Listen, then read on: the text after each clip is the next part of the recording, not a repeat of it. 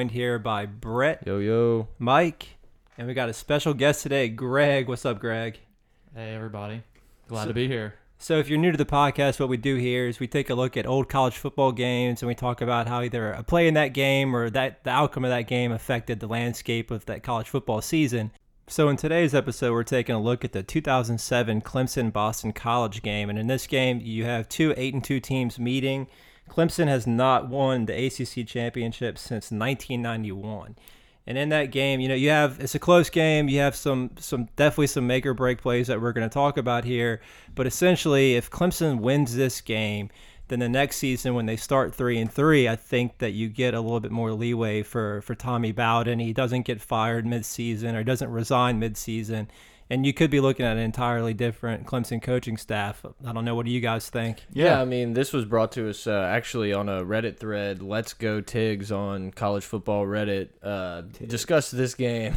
he uh, he brought this up and brought it to our attention. We watched the game and looked at everything afterwards, and it kind of, I mean, this is the rise of Clemson football that we see today. We just this game doesn't look like it, especially being in you know 2007 and against Boston College. Uh, both teams had a few losses, but because of this game and a moment in this game, the rise of Clemson football that we know today is here. Not many, not many. Um, I mean, the teams as a whole, they were good teams, but they had a couple star players on either side. You had Matt Ryan for Boston College, who was drawing comparisons very early in that game, right off the bat when we were watching it from Tom Brady. You know, comparisons to Tom Brady.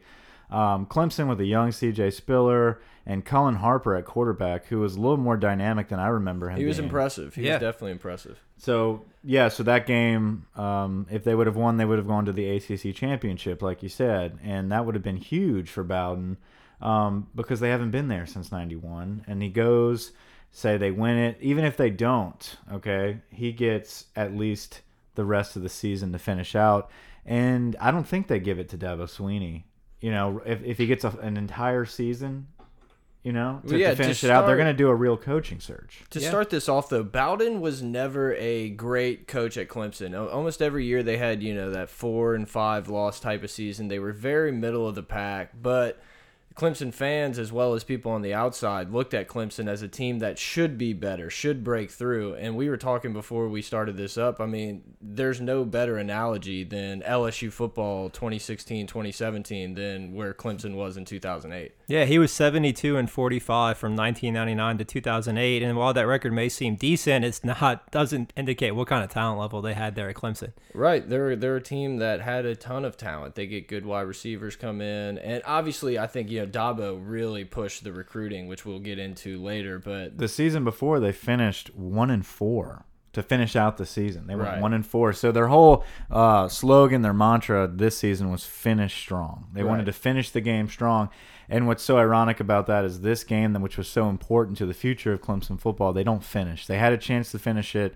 And towards the very end of the game, you know, we're going to discuss it, but they, they had a, a drop pass in the end zone, a diving catch in the end zone. They drop it. Could have won in the game. Could have changed history for Clemson football. Luckily, they dropped the pass for Clemson. yeah, Clemson, know. yeah. not at the time, but but yeah, like you said, this was a uh, this was a game that Clemson was the better team. You could just tell by watching that they had the better talent, and they should have maybe pushed this game and, and closed it out before there was even a chance. Greg's over there. What did you think about the game? Well, I wanted to say first and foremost that just uh, when you're going against Matt Ryan, who's turned out to be, you know, was a the fourth overall or third overall pick, just that you look at it and you say, wow, they've got the better quarterback. But they showed the stats before the game, and Cullen Harper's stats were just far superior to Matt Ryan. Yet they were touting up Matt Ryan to be a, a Heisman contender. So it, you know, I think you guys touched on Cullen Harper not remembering him being a big time quarterback, but boy did he looked really good in this game, and his his stats indicated he had a really good year. He made a lot of great throws that just didn't get caught. He yeah, and he have had the extended plays. stats. He Yeah. he would get out of the pocket and he wouldn't necessarily run for a first down, but he would extend the pocket and make a good throw. Absolutely. That was so, um, Matt, Matt Ryan, Tebow, Darren McFadden. You also had Chris Long. All these Heisman discussion uh, guys during that season. Was there anybody else that year? Brennan. Um, Glenn Dorsey. Oh yeah, yeah, this was year LSU won the national championship game. Darren McFadden would burst onto the scene at Arkansas, and of course Yep. you had Tim Tebow out of Florida. So it was a good year for college football. I mean, this was a fun year. Um, yeah, it, it once again kind of helped push the playoff debate because a lot of people thought that maybe LSU didn't deserve to be in the game. Uh, Ohio State had lost, but anyway, I mean, I guess we can just jump right into this game. The game was a little boring to start. Um, Clemson opens up with a touchdown, and BC gets a field goal right before half. So we go into half seven three. Not not much going on in this game. It's just kind of been a lot of punts and and nothing much going on. But once we get into the second half, it definitely gets a little more interesting. Matt Ryan gets it going, and uh, we we end up with a pretty good finish. yeah. Both the defenses were pretty stout in this game. Boston College came in with the second uh, ranked run defense in the country. Um, that was pretty surprising to me, but their linebackers were just very stout, very Yep. stout Yeah. guys. Mark Ellsworth, I think is his name. Plays for the Giants now. Yes. So Matt Ryan, he was really coming into his own in the second half of this game, um, drawing those comparisons to Tom Brady. He had great uh, pocket presence. He was feeling the pressure really well. He was moving around the pocket, but so was so was Cullen Harper. They were both going back and forth. They were really the main guys in this game. Um, early in the fourth, Matt Ryan and the Boston College offense marched down the field and punched in a touchdown to uh, to tie it ten to ten. So Clemson got the ball back and immediately throws an interception. Uh, the game really turned into a battle between Clemson and the front seven versus Matt Ryan. And so that's that's basically where we are in the fourth quarter, where the game really got interesting was when it was tied 10-10 late in the fourth. Um, and it was, you know, Matty Ice versus a stout Clemson defense, which also, you know, I, I have some notes in here. We were talking about the game earlier. CJ Spiller came along for Clemson late in this game also, and it, it mm-hmm. kind of begged the question: Why were you not getting the ball into your playmakers' hands earlier? They were running their other running back a lot, who was a good downhill runner, but Spiller, you got him the ball in creative ways. He was he was tearing them up. He, was, a really- dynamic player in the game that didn't get the touches he deserved. Definitely, I, I'm sure that they looked back on that and thought, yeah, we should have given him the ball a little bit. Yeah. But yes- oh, I think James Davis had been their rock all season, and they kind of just force fed him the ball, even though every time CJ Spiller touched it, it seemed like he was making a nice play there. And I think that was part of fans' criticism with Bowden at the time was just not getting your playmakers the ball, kind of favoring those older guys at the time, and just not not feeding the young But- guys the rock. Right, and but they're moving it now because Exactly, they're they're yeah. actually giving the ball to Spiller and they're spreading the ball out a little bit. They move all the way down the ten yard line with five minutes left in the game. Ironically, Cullen Harper with his feet, he scores the touchdown. He, keeps, he has a quarterback keeper and he dives over a couple defenders.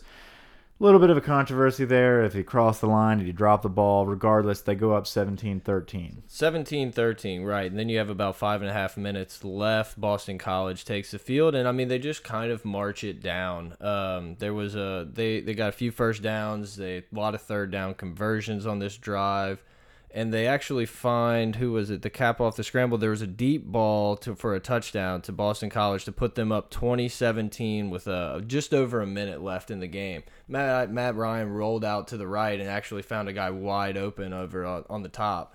And so they go up 2017 in the game, and then it goes back to Clemson, and Clemson has a drive to tie or win the game with just over a minute left. hmm They start driving. Less than a minute left. Clemson was on the verge of a field goal.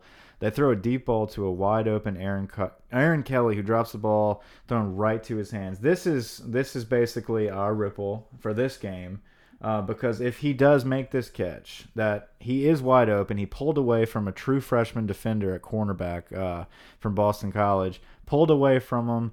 Um, Cullen Harper throws a deep ball through his hands, right in the bread basket as pass. he's Yeah, diving into the end zone. If he makes this catch, Clemson wins.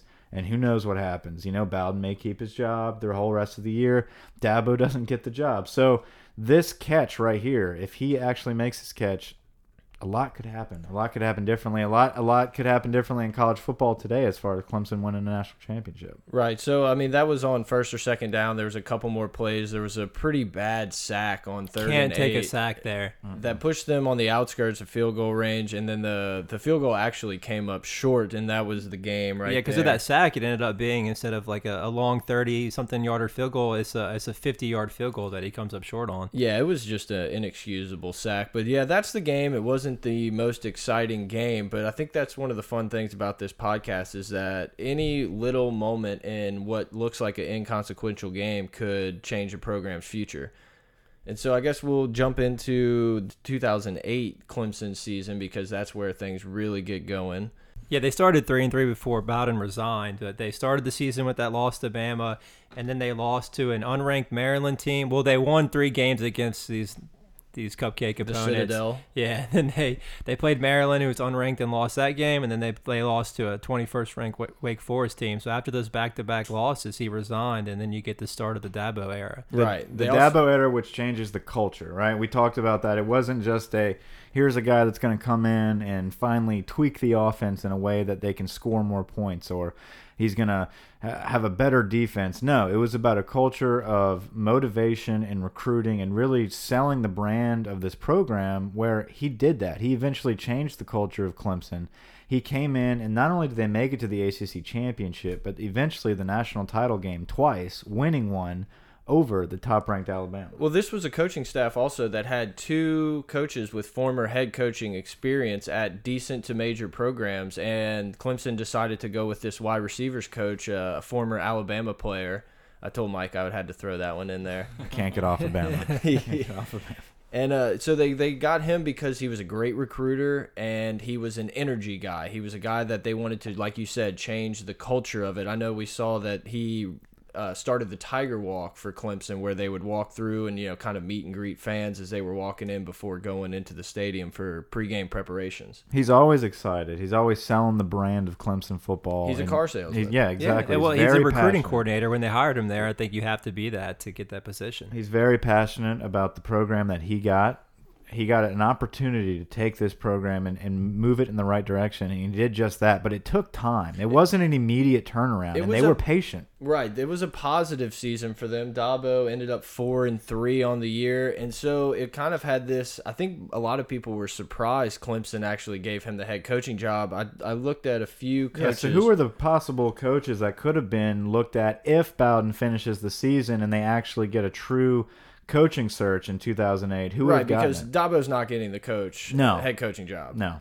So I mean, you had guys like Tommy Tuberville leave. You had Gene Chizik, Tyrone Willingham, Phil Fulmer, um, Dan Mullen, our boy Lane Kiffin, Sark After Dark, Doug Marrone. There were some big names. I out see there. Tuberville getting that job. Tuberville. I'm telling you, I just always It's a thought he Clemson would coach fit. it. Yep. It's a Clemson. Yeah. fit. What do you think, Greg?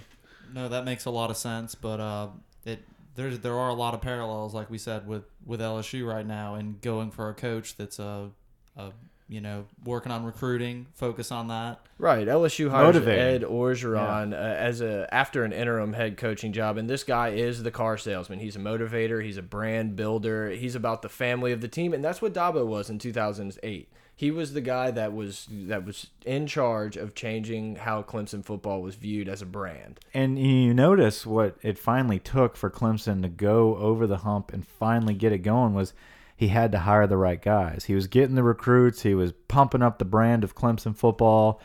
Um, he had to get rid of Kevin Steele. He had to make some changes. Finally, he gets Brent Venables. Um, Great hire. Yeah, the Right. first move he made when he was the interim coach was to let go of the OC. So Exactly. he definitely made some good staffing just like changes. just like Ed. Right, and this is the same guy also too that hired uh, Chad Morris and, and guys like that. So he's done a great job of surrounding himself with great assistants, and that's what you got to do as a head coach. Yeah, and you touched on it earlier. It's not just about the X's and O's from a recruiting standpoint. When we watch that game, the athletes that they play with today just look different. They play with SEC athletes over there on that team. Right, you were when we watched this game from 2007.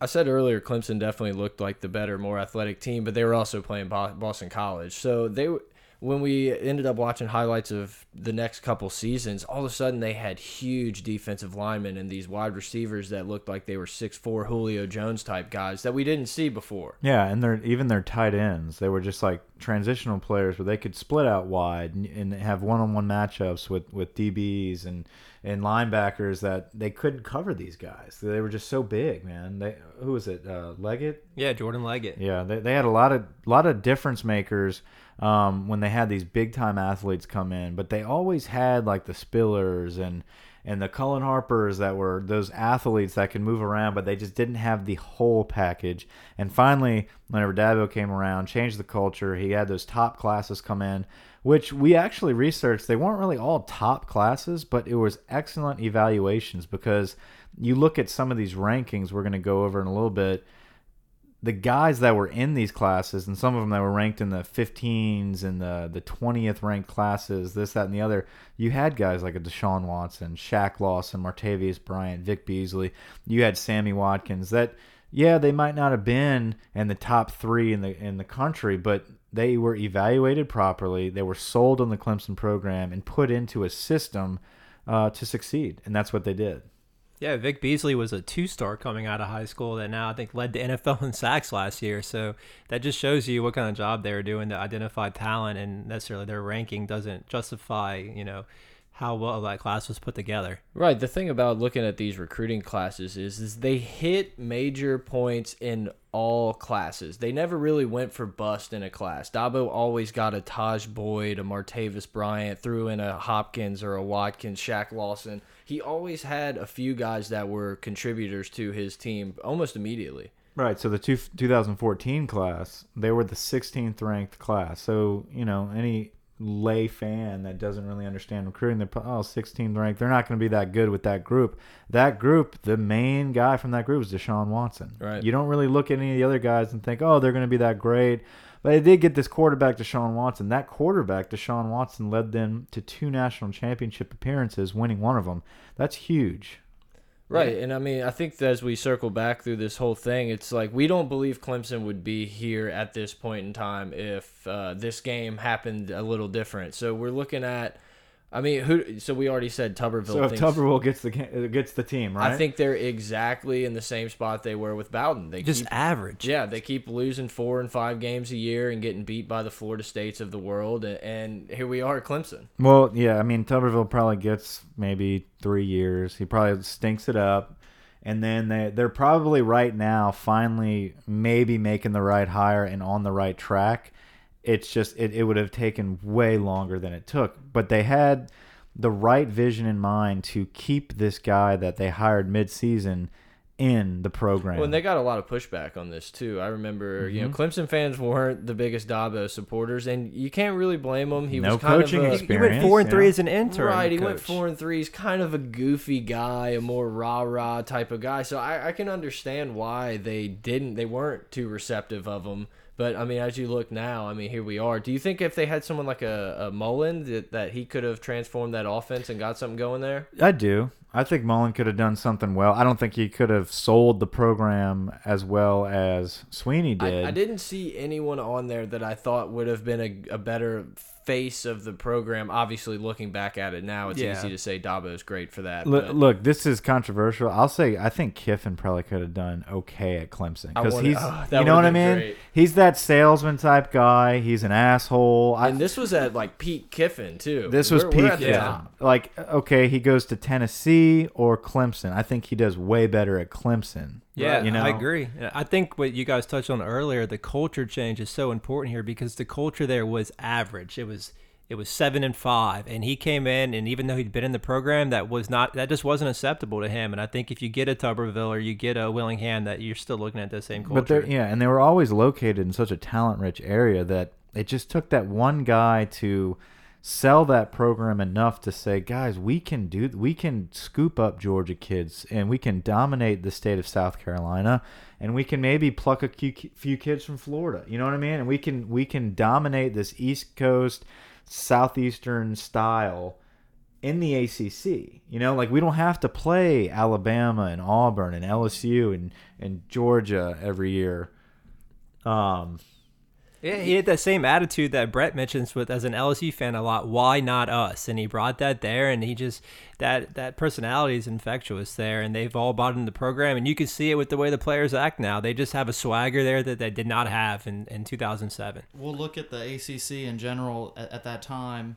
You know, Florida State. It was you know from Bowden to Fisher. You know, it's gone pretty smooth, but you know that was before Jameis Winston. That was before Florida State really took over. That, that was more of the ponder type of years. Exactly, and and Miami's no longer the power. Virginia Tech's starting to fade. The ACC was kind of up for grabs, so they needed that culture change. Absolutely, that's such a good point. The ACC was up for grabs. Now it wasn't looked at as well. You know, in the 2007 year, they had a lot of teams ranked in the teens and 20s. It wasn't looked at as a power power conference, but they they were definitely quality teams in there. So the question I have though is, so let's say someone else gets hired.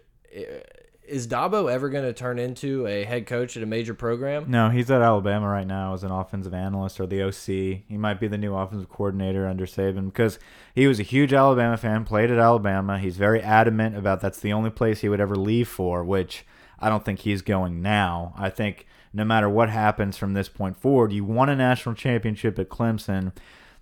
Nick Saban is worshipped like a god. You're not following that guy. You don't want to. You can stay at Clemson and be the man there. Anyway, irregardless, what I'm saying is the only place he would have gone is Bama. And I think if he wouldn't have gotten the head coaching job at Clemson, I think he would have gone eventually to, to join Nick Saban's staff in some form. he could be following what Lane Kiffin did and grabbing a job at you know Florida Atlantic or something like that. Yeah.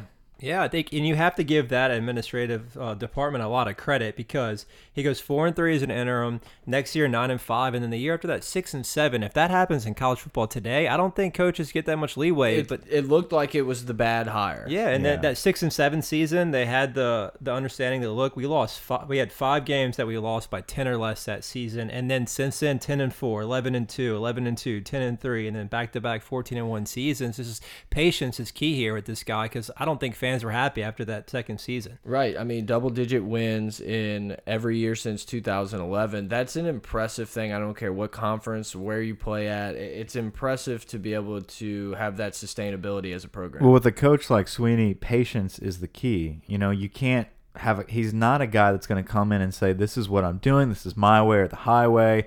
He had to get his players in. He had to recruit, he had to build the program.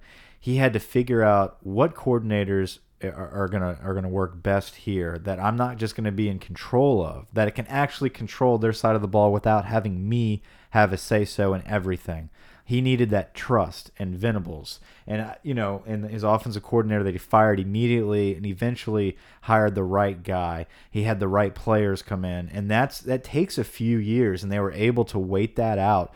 But, you know, even in those years that he wasn't winning a lot of games, they were a few points away in every game. You know, it took some time to get over that hump. It had to have an administration that says, we see that he is that he was that close. He was a, player away, a play away, a coordinator away. And finally, they gave him enough time to do that, and it results in a national championship. Well, Schneid, you kind of touched on it too. That 2010 season, going six and seven. But if they fire Dabo there, who, who's going there? They're not an elite program. No. They're not a program that the top co uh, coaches want to go to. Obviously, if Dabo leaves today, there's six coaches out there that wouldn't leave their job to go to Clemson right now.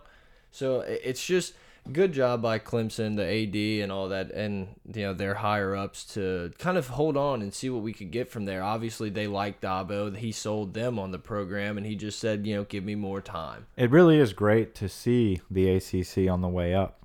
Like like Greg was talking about, is that it was up for grabs, and Clemson did grab it. Florida State was so close. You know, they won a national championship. Okay, so I guess you could say they did claim it at first was Florida State, but Florida State and Clemson are now the top dogs in the ACC. You don't just have one team randomly making it in from the ACC. You have two guys now that are winning the national national championship, not just having an appearance in the playoffs. And then you got Mark Richt. Look, you can say what you want about him. He he underperformed uh, as a coach at Georgia. I think getting a, a fresh start at Miami is great for this guy because Yeah. you're you're not Now you're not expected at Miami to walk in and win a national championship. That's what they want. That's what they feel like they deserve because of their history. But since they've had so many terrible seasons, it's not expected immediately. Well, they're another team that's trying to change the culture of their program, especially from the outside looking in. Right. And I think Mark Richt's a great person to change that culture into a more disciplinary listen, we need to we need to start way back from the beginning now. And I think Miami could could come back. You got Florida State who's pretty consistent with Jimbo. Well, we threw Louisville in there now. Louisville. Louisville. You got you got Louisville who's, you know, they have a uh, Heisman trophy winner who did get his ass kicked by LSU, but that's okay. They're they're they are in the ACC, but you've got Clemson now, who is a top dog in college football going into this season. Like it or not, they are the reigning national champs. Yeah, you got to beat them. They're the road to go through. But yeah, like you said, I mean, ACC is still kind of a Florida State Clemson as we look at the LSU Bama game. That's the one game that kind of decides a lot in the conference. But the ACC is getting better. I, I think college football as a whole is getting better the advancements of these offensive systems have allowed the uh, the talent gap to kind of uh, shrink a little bit, mm -hmm. and so the teams like Clemson were on the cutting edge of it, and I think now they're just getting the better athletes to perform in these systems that other schools want. Yeah, you can see how you know Dabo got in there, and he's a former wide receiver, wide receiver coach, and just kind of transformed the the receivers that they've had there with Watkins and Martavis Bryant, DeAndre Hopkins, and most recently Mike Williams just churning out wide receivers. And you know, watching this 2007 game, they had C.J. Spiller and James White as their main rushing attack. They didn't have receivers like this. So insert you know whatever coach you want. Is is that guy going to focus on getting stud receivers like that?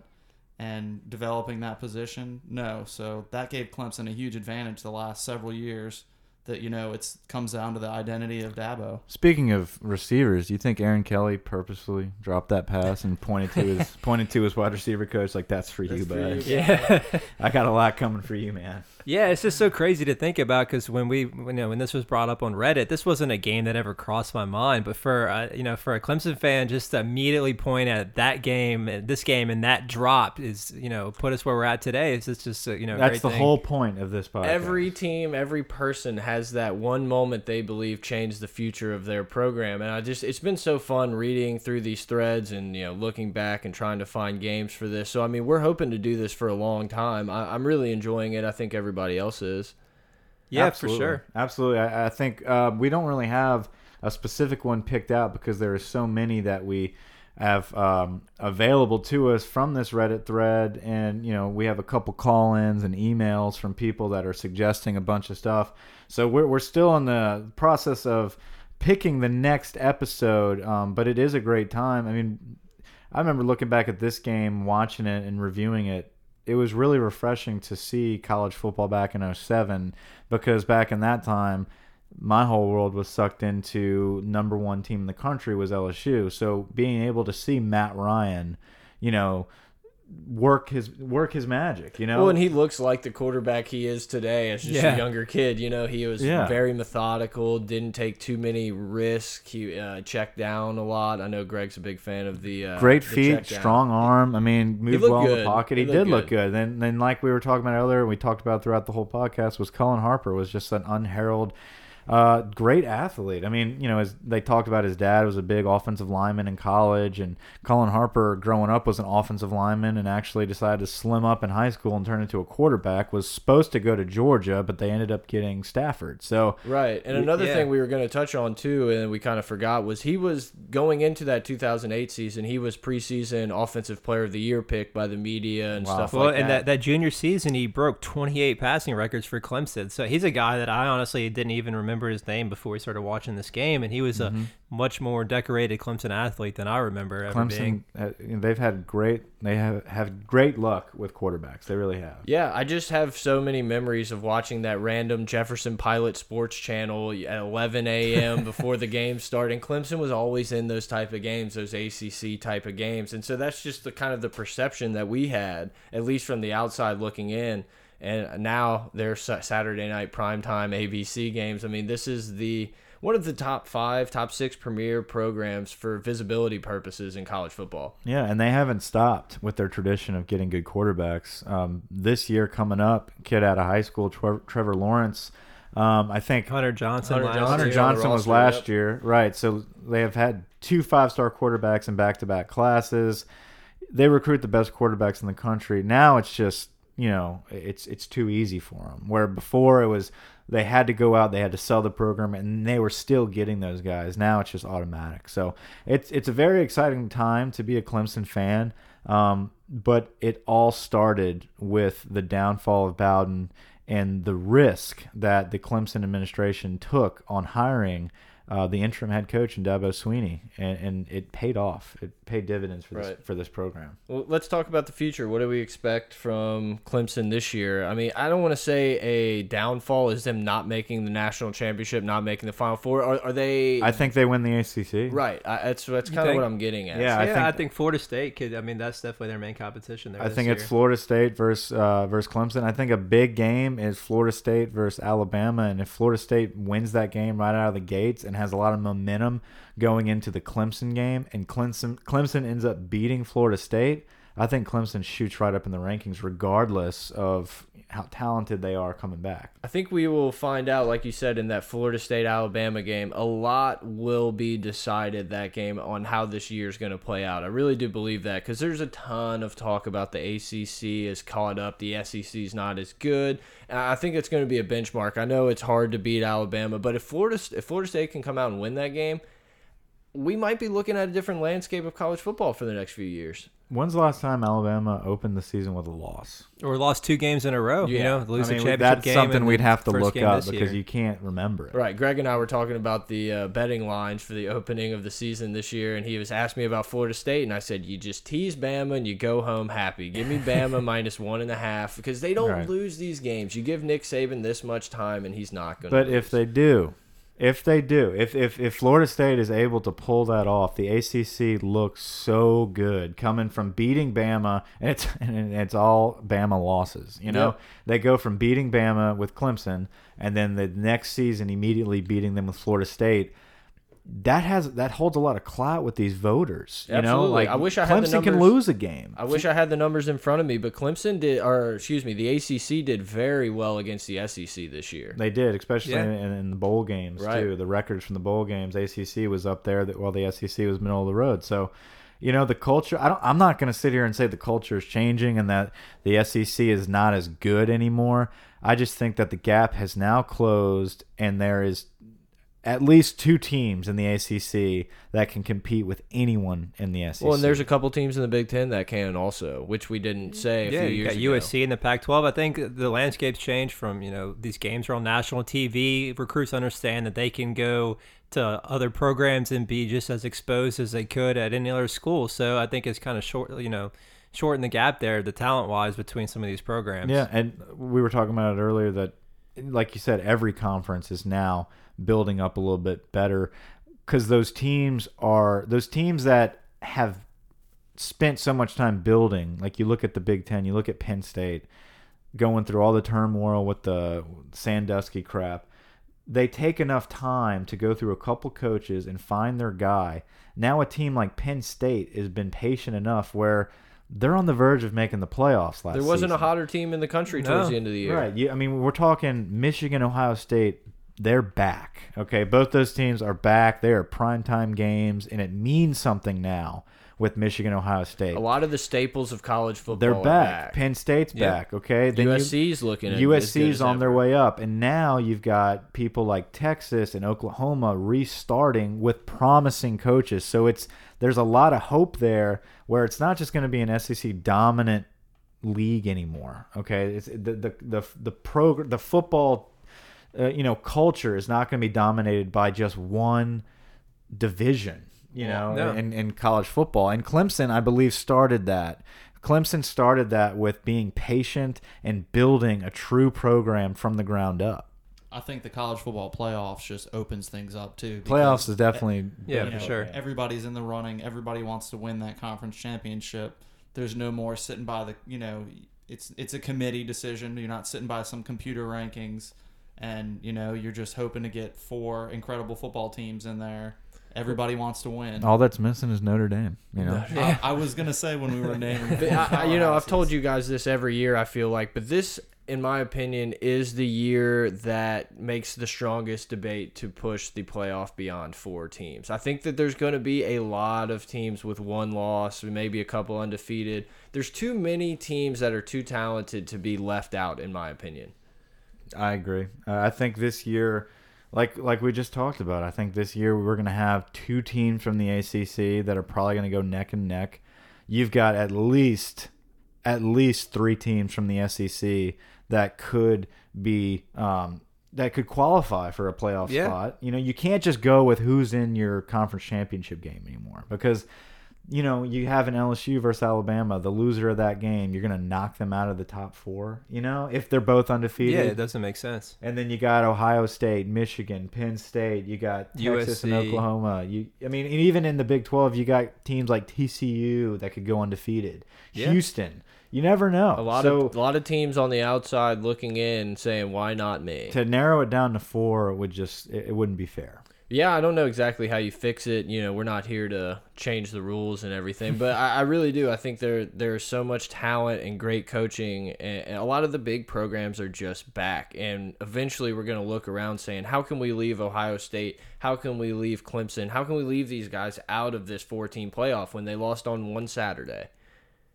yeah, the college football in general, with all these teams being back and opening it up, you know, just having the 14 playoff, that's a start. If they want to talk expansion, you know, this could be that year in general, but it keeps everybody motivated and it's good to see so many teams back in action and you know everybody just wants that anticipation. This is one of the more in the next couple weeks fun time in anticipation of the year because everybody has their eyes on the prize. Yeah, I think you know it's just a you're at the point to where you you, you want to expand the playoff. You got to kind of look at the season and how you get how you fit more games in with these. They're supposed to be student athletes, but That's a whole different conversation. I'm with you. Pay the players, all that. But yeah, uh, you're right. You're right. There's. It's not that easy. It's not just so easy to say. Yeah, let's make it six. Let's make it eight. Whatever. yeah, it's let's definitely just another something I game. love to see though. Right. So right. we'll dig deep. We'll Yeah. find a ripple. Check- for next uh, for next week. We're right. gonna Yep. Figure out something that that definitely um, defines where we are today as as a college football landscape and a culture. Uh, we're gonna look for that exciting game and, and bring that to you guys. Yeah, and if you have any suggestions, hit us up at first, the number one, first and hindsight at gmail.com, and we will uh, we'll look through all of that. Hopefully, someone will have a great suggestion. We'll give you a shout out. Uh, but yeah, I just want to thank everybody for listening. Thank Greg for popping in here as a special guest. I think he had fun. Glad to be here. Hope to be here in the future. Thanks, Greg. I enjoyed that too. but yeah, for Mike and Schneid, I'm Brett. Thanks, guys. Thanks, guys. One two, yeah, one three. We could probably cut out like a lot of the last few minutes of it too. We need to. Well, it, we didn't.